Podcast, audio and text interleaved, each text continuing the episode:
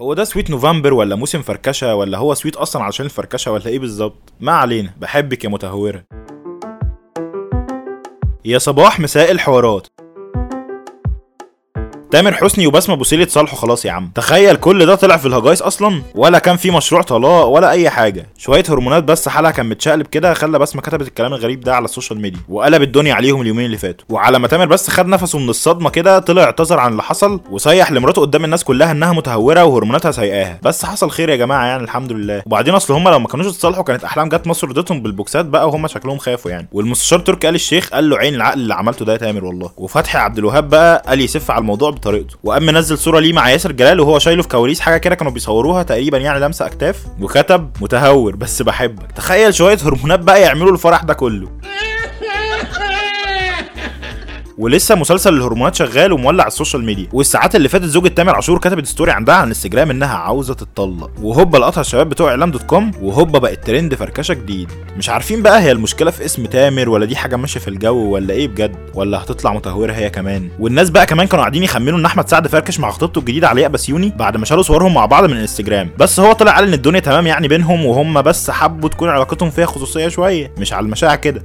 بتقول احمد سعد انفصل فطلع أقول لا ما حصلش. أنا زي الفل وحياتي الحمد لله ماشية. بس هو يمكن الناس شافت إن إحنا أنا وعليا حذفنا صورنا من على الإنستجرام بس لأن إحنا قررنا نبقى علاقتنا ببعض علاقة خاصة يعني ملهاش علاقة بال- بالسوشيال ميديا. والست عكسي بقى يا سيدي كان مسيطر على السوشيال ميديا فيديو كده لأم مصرية أصيلة كانت قاعدة في فرح مع ابنها وعمالة بتدور له على عروسة. الفيديو الحقيقة كان جايب صريخ ضحك يعني اليومين اللي فاتوا. بس امبارح بقى الأم الجميلة دي طلعت قالت إنها لقيت له فعلا عروسة في الفرح ده ورايحين يخطبوها له يوم الجمعة الجاية إن شاء الله. مبروك يا عمرو بقى. وبعيدا بقى عن الحوارات دي كلها انتشر كلام برضو كده خير اللهم اجعله خير إن عيلة صلاح جالها كورونا. زوجته ومكة ووالدته وكله. بس الحاج صلاح أبوه بقى طلع قال إن كل ده سلبي يعني الحمد لله. أقسم بالله عيال محمد قاعدين معايا في الفيلا في مدينتي وبياكلوا ويشربوا معايا وبيناموا في حضنه. الكلام ده غير صحيح. وفي نفس الوقت اللي الناس اطمنت فيه على عائله صلاح انتشر على السوشيال ميديا كلام كده إن النني جاله كورونا وشكله كده مش هيلعب ماتش العودة مع توجو النهارده. ربنا يسترها على باقي الفريق وتعدي على خير بقى.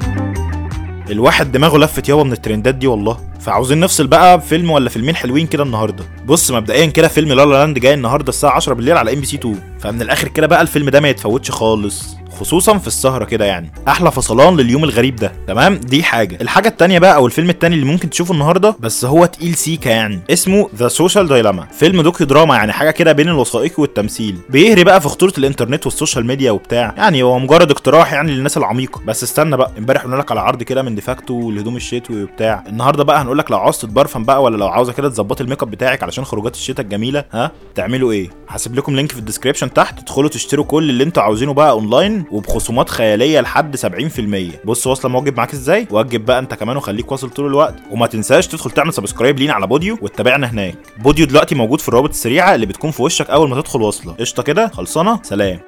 خليك واصل.